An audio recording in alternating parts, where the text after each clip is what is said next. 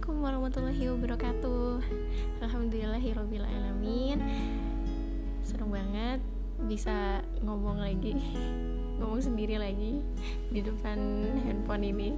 Aduh ya Allah, ya Allah. Kayak rasanya uh, Kok semakin apa ya enak gitu ya ngomong. Aduh, aduh pengen ketawa nih jadinya. Oke, okay. nah jadi uh, apa ya ya enaknya kita bakal bahas kali ini dari yang eh, segmen sebelumnya yang judulnya berawal dari sini yaitu maksudnya tuh kayak ya udah aku tuh pengen serius memberikan manfaat ke para pendengar-pendengar setia yang sebenarnya aku nggak tahu siapa kalian. Para apa ya penggemar bukan penggemar mungkin orang iseng kali ya yang dengar. Ya gitu pokoknya nah kan intronya udah semenit. Nah jadi uh, aku pengen ini sih sampaikan lebih ke pengalaman ya. Jadi semoga ini relate sama teman-teman semua. Semoga ada juga manfaat manfaat yang bisa didapatkan dari mendengar uh, percakapan aku ini celotehan aku ini. Semoga ada. Nah jadi yang aku pengen ceritain kayak uh, mungkin teman-teman kayak mungkin uh, sebagian besar udah tahu profesi aku ranahnya ke mana gitu kan ke kesehatan. Dan insya Allah semoga bisa jadi dokter yang sesungguhnya dokter yang bener-bener ada titelnya gitu nggak cuman dipanggil doang dok dok gitu maksudnya. Ibu dok ibu dok gitu. Maksudnya kayak rasanya dipanggil panggil kayak gitu tapi aku belum jadi dokter gitu. Jadi rasanya kayak wah orang tuh hebat banget ya. Sejauh sejauh ini orang-orang yang aku kenal tuh yang kayak kok kalian menghargai banget gitu sama prof, suatu profesi gitu. Sangat bener-bener uh, mentolerin even itu kamu tuh belum jadi dokter atau enggak tapi tetap kamu menghargai sesuatu profesi itu kayak ya yakin aja kalau ini tuh adalah calon dokter masa depan gitu masya allah. Dan itu aku alami di sini gitu. Di daerah ini kalau teman-teman mau tahu aku lagi di Halmahera Selatan tepatnya di kota Bacan Labuha uh, provinsi Maluku Utara. Kalau ada yang kenal juga kan wah Balkis kamu nih ini banget ya maksudnya Nusantara banget. Kalau orang mungkin kalau orang yang suka keluar negeri bilangnya mendunia banget ya kalau orang yang suka ke daerah-daerah yang mungkin sebutannya Nusantara banget ya. Ini ini tuh kata yang aku dapatkan dari pembimbing skripsi aku ya. Dokter Taufik yang nggak pernah aku lupa pas lihat uh, ini aku cerita dikit ya. Jadi pas ujian skripsi terus yang dilihat itu bukan konteks atau konten skripsi kamu tapi yang dilihat adalah halaman terakhir yaitu ngelihat biodata dan dibilang oh uh, orang tuanya di Maluku ya kamu lahirnya di Makassar ya? Tinggalnya di mana? Oh di Bogor ya. Oh terus kuliahnya di uh, Aceh. Wah kamu nih Nusantara banget gitu. Itu rasanya kayak masya Allah dok kayaknya gak ada deh dok yang kayak bener-bener merhatiin banget seniat itu untuk ngelihat biodata. Dan langsung kayak tercengang aja. Dokter itu kayak gak ngasih apa-apa gitu tentang skripsi tapi malah memberikan semangat oh iya aku nih anak Nusantara gitu. Jadi aku harus membuktikan kalau untuk bisa mengaplikasikan diri ke apa yang orang-orang uh, persepsikan kepada diri kita gitu. Masya Allah. Jadi ke cerita kita fallback dulu ya maksudnya kita fallback dulu. Eh fallback dulu apa? Ya kita ingat-ingat dulu masa-masa masa dulu skripsian nah kembali lagi. Jadi selama aku di sini di Almahera ini aku ngikut kedua orang tua aku yang uh, apa bekerja di sini gitu. Jadi oke langsung cerita aja ya. Jadi uh, apa yang aku dapatkan ya yang bisa yang banyak banget aku dapatkan di daerah sini tuh bahwa hal-hal kecil yang kita lihat problem-problem yang ada di depan kita nih ketika kita lihat bener-bener nyata gitu ya. Kalau di pelosok-pelosok tuh kayak gitu sih. Uh, yang kita hadapi itu yang bener-bener nyata. Nggak cuman nggak cuman katanya katanya terus nggak cuman opini-opini aja tapi bener-bener kamu tuh bisa ngelihat suatu problem. Oh ini di pelosok nih bener-bener ada ini. Kalau misalnya kita kan di kota tuh kayak kalian tahu nggak sih kalau di pelosok tuh kayak gini-gini loh uh, apa namanya kehidupannya tuh kayak gini nggak ada listrik terus uh, apa namanya misal di daerah lain air susah terus kayak pendidikannya jelek terus dan masalah kesehatannya juga jelek dan sebagainya dokternya kurang dan sebagainya. Nah itu maksudnya kan hal itu sebenarnya udah sering banget aku denger ya di beberapa pelosok-pelosok lainnya. Tapi yang kayak aku nggak ngelihat secara langsung gitu ya nggak terjun secara langsung nggak langsung berhadapan secara langsung dan ya itu rasanya kayak justru ini tuh kayak mimpi gitu. Orang mungkin mikirnya aku mimpi untuk keluar negeri gitu ya ke Paris ke Eropa keliling Eropa dan sebagainya. Terus bilang kok aku kayak mimpi ya? Gitu. Nah itu sama kayak aku uh, ditakdirkan sama Allah untuk bisa berkunjung di daerah-daerah uh, timur ya khususnya di daerah timur ini di Maluku Utara khususnya di Pulau Bacan ini. Kayak rasanya ya ya itu. kok aku kayak mimpi ya bisa ngelihat uh, sesuatu yang yang dulu tuh aku dengar a i u e o nya gitu. Jadi yang kayak oh iya iya gitu. Walaupun sebenarnya kalau aku kasih gambaran ya daerah Halmera Selatan ini nggak nggak seburuk gitu juga gitu nggak nggak seprimitif itu juga. Mungkin akan jauh lebih primitif ya sama orang-orang yang Papua gitu orang-orang timur lainnya. Mungkin di nggak bisa sih aku nggak bisa judge gimana ya karena kan aku nggak lihat secara langsung aku hanya denger aja. Tapi waktu itu juga aku pernah ke daerah Papua Barat di Sorong ya emang itu uh, khususnya khususnya di daerah Raja Ampat ya memang jauh lebih ini juga sih pelosok. Eh, lebih bukan pelosok ya maksudnya lebih lebih apa uh, semuanya serba rendah gitu. Walaupun bukan niatnya untuk merendahkan tapi it's real yang kita dapatkan gitu gak ada sama sekali niat untuk merendahkan. Karena justru ya ketika kita melihat yang rendah-rendah itu tuh membuat kita jauh lebih rendah gitu. Kayak kita tuh jauh lebih rendah kalau kita nggak ngebuat apa-apa di situ gitu. Kamu tuh jauh lebih rendah uh, merendahkan diri kamu banget. Diri kamu bakal jauh banget rendah kalau kamu tuh nggak buat something gitu untuk apa yang kamu lihat. Dan ya, ya maksudnya AKA itu kamu kayak diem aja gitu kamu diem aja. Kamu lihat permasalahan terus kamu diem aja. Itu jauh lebih meresahkan gitu maksudnya jauh lebih bermasalah daripada masalah itu sendiri. Uh, aku kan mungkin yang udah tahu juga ya aku berprofesi bukan berprofesi ya masih uh, menuju untuk menjadi seorang dokter tapi sekarang masih sebagai dokter muda di Banda Aceh di rumah sakit pendidikannya di sana. Tapi ya kodarullah gitu ya takdir Allah yang sama sekali nggak pernah aku bayangin ya. Dulu so ada suatu kejadian gitu ya ada suatu kejadian yang buat aku tuh kayak doa ya Allah hmm, aku tuh pengen ini gitu. Terus aku bilang kayaknya bisa deh pindah koas pindah koas kalau aku ini gitu. Semua tuh kayak pengen di, diusahakan gitu terus jadinya berdoanya ya Allah semoga aku koasnya nggak di Banda Aceh tapi di luar gitu. Dan bisa diurus dan aku bisa koas di daerah lain gitu di daerah yang aku pengen ini gitu. Apa sih? Nah habis itu uh, hal itu nggak terjadi kan karena kan itu rencana kita aja. Cuman Allah kan berkehendak lain ya. Eh tapi Allah memberikan jawaban yang mirip. Walaupun ya tidak diakui gitu ya. Maksudnya aku merasakan koas merasakan setengah koas ya. Insya Allah setengah koas. Bukan di Banda Aceh. Jadi kayak wow. Doa kita tuh sedikit-sedikit tuh kayak terkabul. Tapi mungkin ini bukan bukan yang dimau orang gitu. Dan sebenarnya aku juga nggak mau kalau misalnya kondisinya kayak gini kan gitu kan. Aduh masya Allahnya.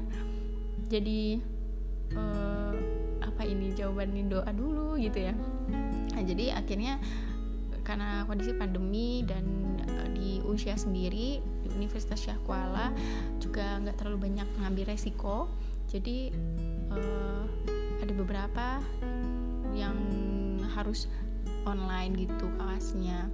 Karena kan ada beberapa banyak gelombang juga kan seperti biasa. Senior senior kita juga sebenarnya sudah yang mendahului sudah sebenarnya sudah koas offline. Nah kita nih yang orang-orang terpilih yang Allah takdirkan untuk masih online dan ya happy. Harus happy sih.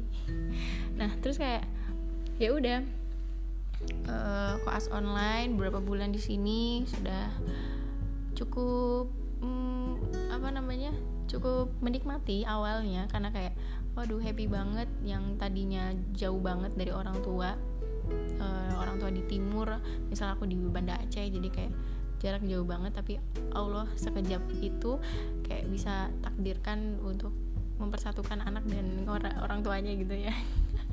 Masya Allah. Karena dulu juga ada sih satu doa yang aku bilang ya uh, apa ya Allah pengen banget apa namanya ya uh, sedikit demi sedikit menyicil untuk berbalas budi ke kedua orang tua gitu. Karena kan kalau mikirnya aku jadi dokter nih berapa tahun lagi ya? Nggak tahu gitu. Tergantung Allah lah tergantung takdir dari Allah juga mau kan. E, harapannya sih ya kasih mulus-mulus aja gitu kan. Tapi di satu sisi juga aduh kayaknya egois banget kalau kita tuh terlalu e, bukan berharap ya terlalu memaksakan kayak yakin banget semua tuh akan mulus dan sebagainya. Tapi akhirnya tuh kayak lebih milih untuk berdoa ya Allah kalau memang ada kesempatan untuk lebih cepat berbakti kepada orang tua ya kenapa enggak? gitu. Jadi waktu itu juga uh, udah setahunan lebih gak ketemu orang tua jadi kayak doanya yang terus ya Allah aku tuh pengen ketemu orang tua ya Allah gini gini. Ya sampai sampai nangis nangis gitu kan tapi kayak lucu juga sih kalau sekarang mikirnya ya tapi tiba-tiba Allah kabulin gitu. Dan justru aku malah berlama-lama di sini jadi kayak rasanya ya Allah nih aku harus maksimalin banget. Tapi walaupun kadang tuh kayak sebenarnya aku tuh nggak ngapa-ngapain juga sih di sini uh, untuk kedua orang tua aku gitu malah yang ada tambah nyusahin gitu. Tapi ya ya alhamdulillah. Uh, ada banyak banget sih yang doa-doa yang kayak uh, bikin pengingat buat diri sendiri nih kamu nih pernah doa kayak gini tuh doa tuh uh, apa pun hasil dari doa kamu tuh pasti akan di akan dibalas sama Allah akan dijawab sama Allah. Ntar doa yang aku lagi simpan nih sekarang nih yang rahasia yang lagi aku simpan yang orang-orang nggak tahu juga nanti tuh insya Allah aku ceritain kalau memang Allah kasih rencana yang terindahnya gitu. Nah kembali lagi. Akhirnya aku koas di sini beberapa bulan akhirnya uh, terus ketemu sama beberapa orang hebat juga. Nah yang paling menariknya adalah uh, di sini kan kayak ya itu maksudnya persaudaraan itu sangat penting banget ya. Maksudnya banyak kenalan terus kedua orang tua juga banyak kenalan dokter. Ya itu juga dari ranah dakwah ya. Dakwah ini memang menyatukan segalanya ya. Masya allah aku tuh nggak pernah nggak pernah uh, apa namanya mengeneralisasikan kayak ya iyalah kamu bisa gini ya. Wong kamu uh, maksudnya misal ada seorang anak pejabat gitu ya. Maksudnya dia seorang pejabat. Jadi mau berkuasa apa pun kamu bertindak apa pun tuh bisa gitu. Tapi sebenarnya yang poin yang pengen aku angkat tuh bukan kamu tuh anak siapa anak siapa. Tapi yang pengen aku angkat tuh seberapa seberapa banyak uh, apa namanya persaudaraan yang kamu ikat gitu.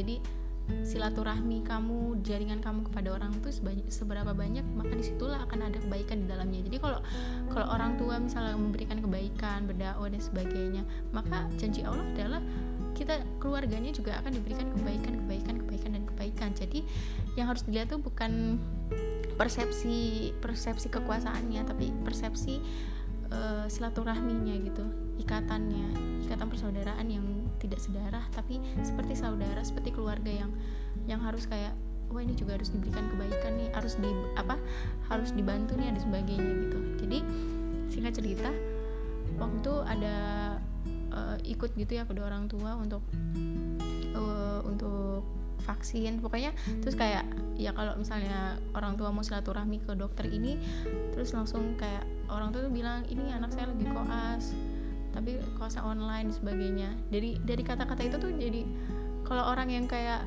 biasa aja kenal-kenal sekenal-kenalnya doang kan kayak oh iya ya udah ya udah lu koas aja gitu.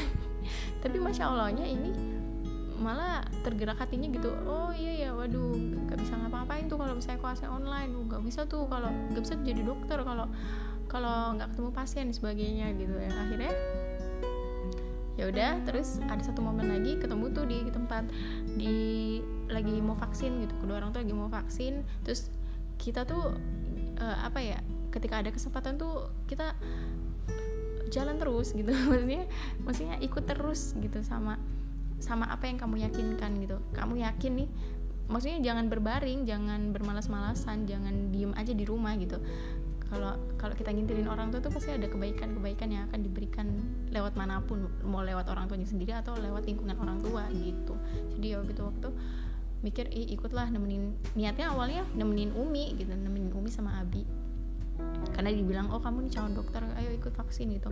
Bahkan awalnya kayak gak berharap juga dapat vaksin itu kan. Itu hak hak dari daerah sini kan. Ya udah habis itu ketemu lagi oh masih di sini ya uh, terus apa namanya ayo. Terus kayak iya kalau misalnya boleh pindah koas pindah koas deh dok gitu. Kata aku teh tapi yang yang nggak mungkin kan akhirnya di aku aku nanya kan uh, apa namanya aku lupa sih waktu itu ditawarin apa nawarin ya. Ya pokoknya ini langsung kayak oh iya boleh boleh. Hmm, sini aja apa cari pengalaman. Nah istilahnya tuh kayak magang tapi ya bukan magang yang digaji tapi kayak justru aku yang men mengemis ilmu gitu di sini gitu. Katanya setidaknya kamu lihat pasien kamu lihat lihat apa ya uh, apa sih istilahnya apa suasana gitu. Suasana di rumah sakit itu kayak gimana? Suasana orang ketika dokter mengobati mengobati orang tuh gimana dan sebagainya gitu. Dan banyak banget pelajaran yang aku dapatkan ketika aku dalam rumah sakit oke okay? ini pengen aku ceritain next biar kalian penasaran. Dan jadi nanti ada cita-cita unik yang aduh indah banget ya. Kayak ya Allah aku tuh nggak pernah ngebayangin banget bisa di di posisi seperti ini. Dan pastinya itu karena Allah bukan karena yang lainnya gitu. Bukan uh, karena Allah yang memper, memperantarai melalui orang-orang baik di sekitar kita yang sesuatu yang orang tua tanam selama ini gitu. Misal kebaikan-kebaikan yang orang tua lakukan kita lakukan keluarga kita lakukan maka orang lain juga akan berbuat baik kepada kita. Nah itu poinnya poin yang pengen aku sampaikan di segmen satu ini. Eh maksudnya di ya nanti ini bersambung. Jadi nanti aku ceritain setelah itu apa yang aku dapatkan dalam rumah sakit di Labuha ini gitu. Dan cerita-cerita lain uh, selain aku koas tuh aku ngapain aja di Halmahera Selatan ini. Oke masya Allah masya Allah banget.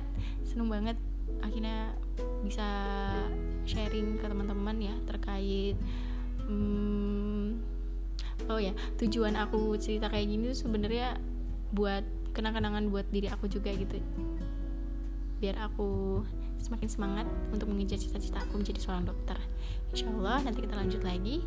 Terima kasih yang sudah mendengarkan. Assalamualaikum warahmatullahi wabarakatuh.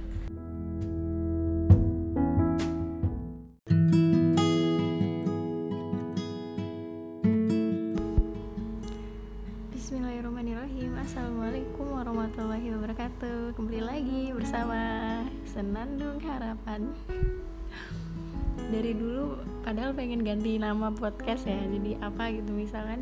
Tapi setelah dipikir-pikir ya nggak punya ide gitu untuk untuk ganti nama. Ya udahlah. Walaupun kayak sebenarnya aku tuh mikir ya kayak senandung harapan ya Allah kayak isinya tuh bakal sedih sedih sedih lagi. Sedih sedih gitu bakal yang melo melo bakal yang galau galau padahal mah ya awal awal sih. Awal awal podcast yang mungkin agak sedikit um, apa sedikit menggalau gitu. Sekarang mah enggak ya. Alhamdulillah. Nah jadi seperti yang dijanjikan yang dijanjikan dan ditepatinya agak lama. Ya aku mau ngelanjutin dari kisah hidup aku yang judulnya itu ngapain sih di Halmahera Selatan? Ngapain sih di Halsel nah jadi kemarin tuh sampai mana ya ceritanya sampai lupa.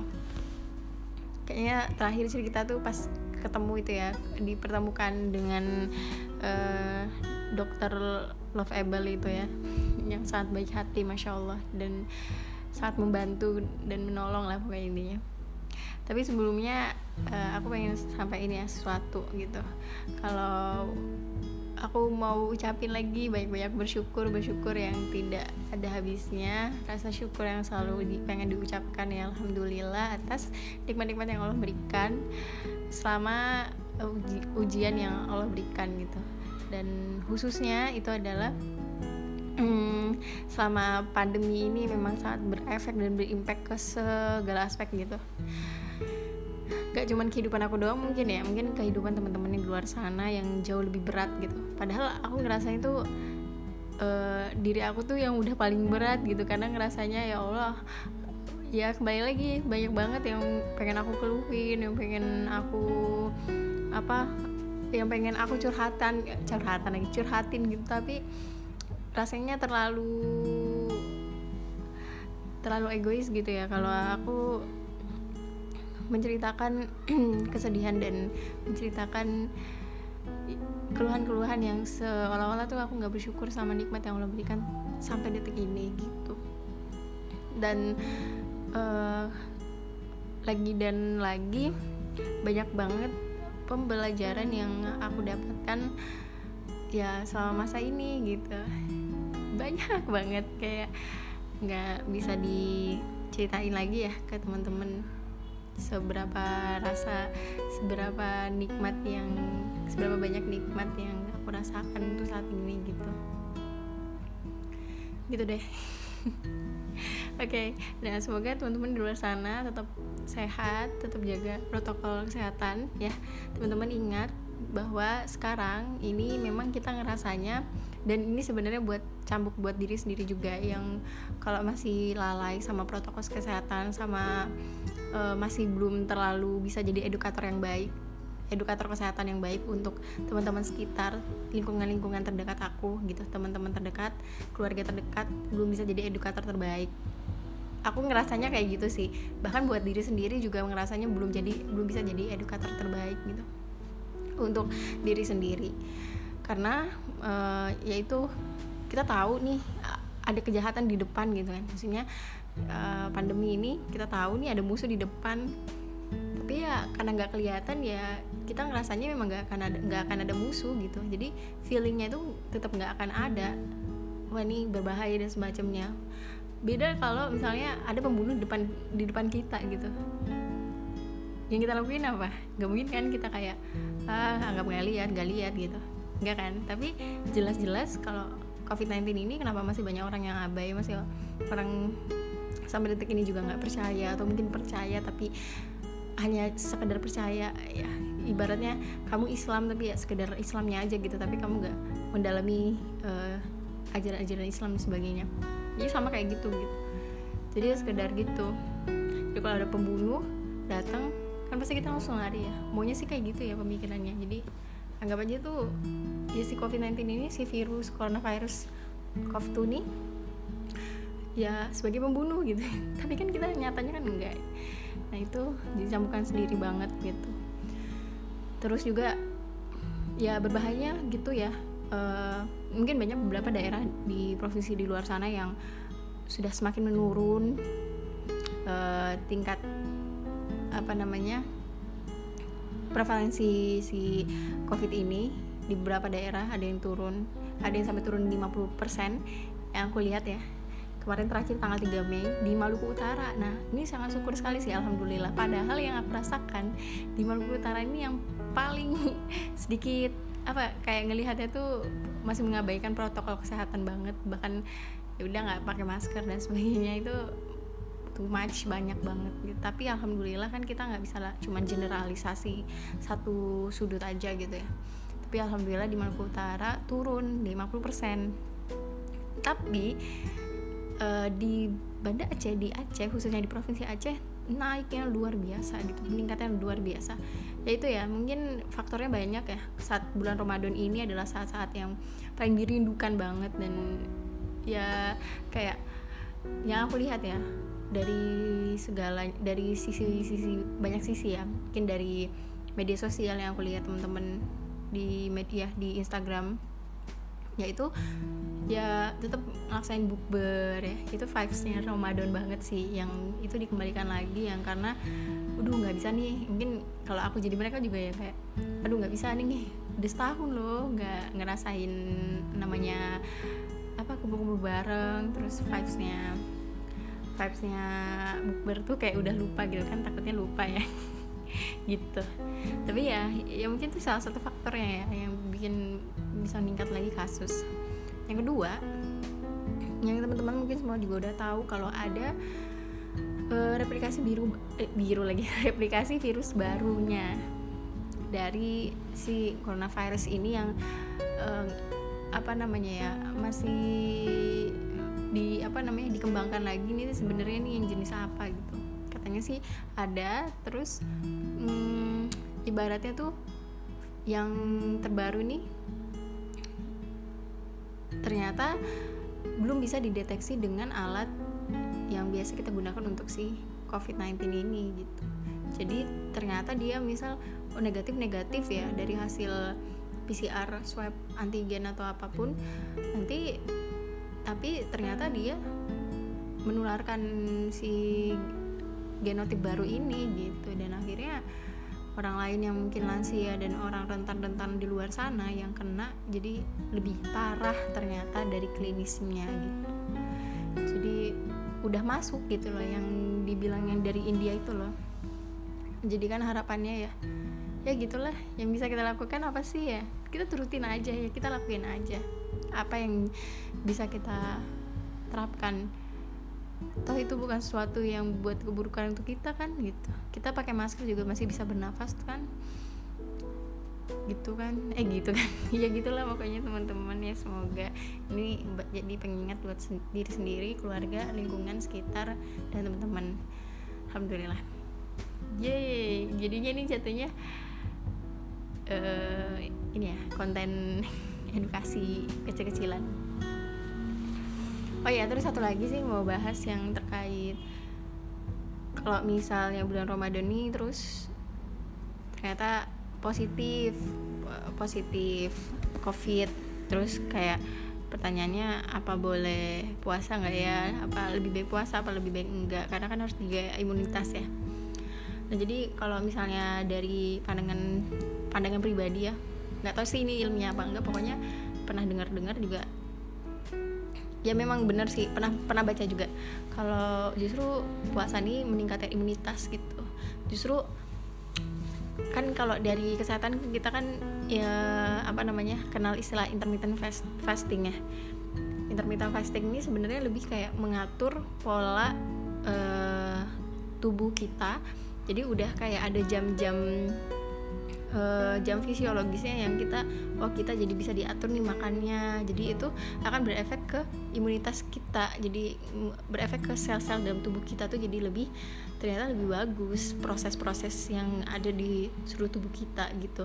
Beda kalau misalnya orang nggak puasa kan semuanya dimakan ya dengan jam-jam yang terserah kita mau makan jam berapapun gitu. Jadi kalau ya puasa ya kayak gitu puasa kayak gitu deh. Jadi kita udah tahu jam kita kapan makan eh, jam-jam uh, jam kapan kita makan jam jam-jam kapan kita nggak makan gitu.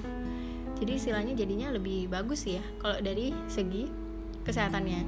Emang jatuhnya lebih bagus tapi ada syaratnya gitu nggak sekedar kita ya udah kita makan ya cuman makan biskuit satu biskuit minum air putih satu gelas gitu. Terus buka juga kayak cuman makan kurma terus minum dua gelas gitu misal.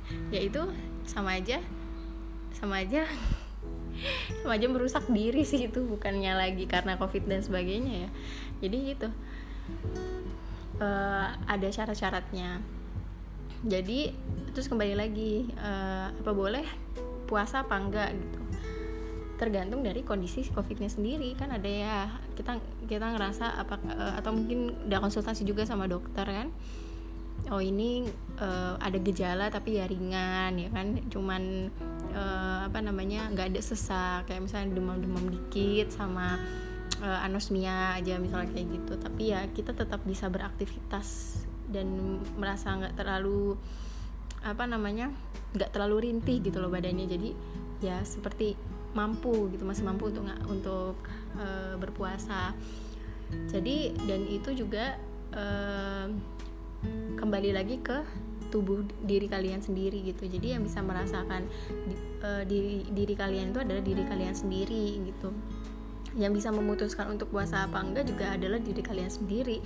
Walaupun kalian sudah berkonsultasi juga ke dokter dokter sudah memberikan advice advice advice nya yang terbaik untuk tubuh kita tapi tetap kita yang bisa merasakan. Sama sih dengan penyakit penyakit lain. Penyakit lain juga kan uh, kita mau sehat itu dari psikis kita juga. Kembali lagi ke psikis kita gitu. Mau obat sebanyak apa pun ya kita minum itu ada suatu ikhtiar tapi tetap pikiran kita. Terus ya, maksudnya banyak faktor lah kesembuhan tuh banyak faktornya gitu. Kesakitan juga banyak faktornya gitu. Jadi kembali lagi. Terus uh, ya itu. Jadi tipsnya kalau saran sih ya kalau ringan ya puasa saja gitu. Toh itu tuh e, malah meningkatkan imunitas yang pertama. Yang kedua ada syaratnya kan tadi dengan tipsnya itu pada saat e, mau sahur ya lakukanlah itu yang namanya makanan lima sehat empat sempurna itu. Eh empat sehat lima sempurna. Iya itu. Ya jadi tetap konsumsi ada karbohidratnya makan nasi kan tapi jangan terlalu banyak juga sih sebenarnya terus ada proteinnya. Terus yang paling bagus itu sebenarnya lebih ke banyak sayurannya ya. Banyak sayurannya terus sama buah makan buah. Nah itu semua akan memproses. Dan cukup sih untuk selama kita 12 jam puasa ini sangat cukup untuk uh, apa namanya kebutuhan nutrisi dalam tubuh kita tapi asal ya jangan dengan aktivitas yang berat gitu. Misal kita udah covid tapi maksudnya malah ngejim dalam rumah gitu atau atau dengan aktivitas-aktivitas beratnya yang enggak ya tetap dengan bed rest istirahat gitu loh. Tapi jangan terlalu banyak istirahat juga. Maksudnya like uh, daily activity kalian sehari-hari kayak gimana sih gitu. Jadi nggak ada sebenarnya yang mindsetnya tuh jangan kayak gue covid terus banyak banget yang akhirnya tuh semuanya berubah gitu. Nggak juga ya. Cuman bedanya ya kamu di rumah isolasi ke ke mana-mana ya yang nggak covid juga banyak sih yang di rumah yang di rumah di rumah aja kan. Nah gitu. Sama kebutuhan minumnya kebutuhan mineralnya. Yang harus uh, tercukupi banget. Dan ya tergantung juga kan tergantung juga dari kebutuhan mineral di tubuh kalian. Gitu. Kalau rekomendasinya sih kan 8 gelas. 8 gelas berarti ya bisa lah kalau nggak mau terlalu banyak minum di pas sahur berarti hanya 4 gelas atau tiga gelas atau dua gelas tapi gelas besar gitu ya. Gitu. Ya jadi apa pun yang mau kalian putuskan kalian mau puasa apa enggak tuh kembali lagi ke kalian sendiri yang merasakan tubuh kalian ini kalian yang punya tubuh kalian gitu loh yang Allah titipkan. Jadi kita harus paling tahu gitu paling mengenal diri kita mengenal. Gitu. Oke. Okay. ini jadi kayaknya bagusnya jadi ini aja ya edukasi aja ya. Nggak usah cerita lagi.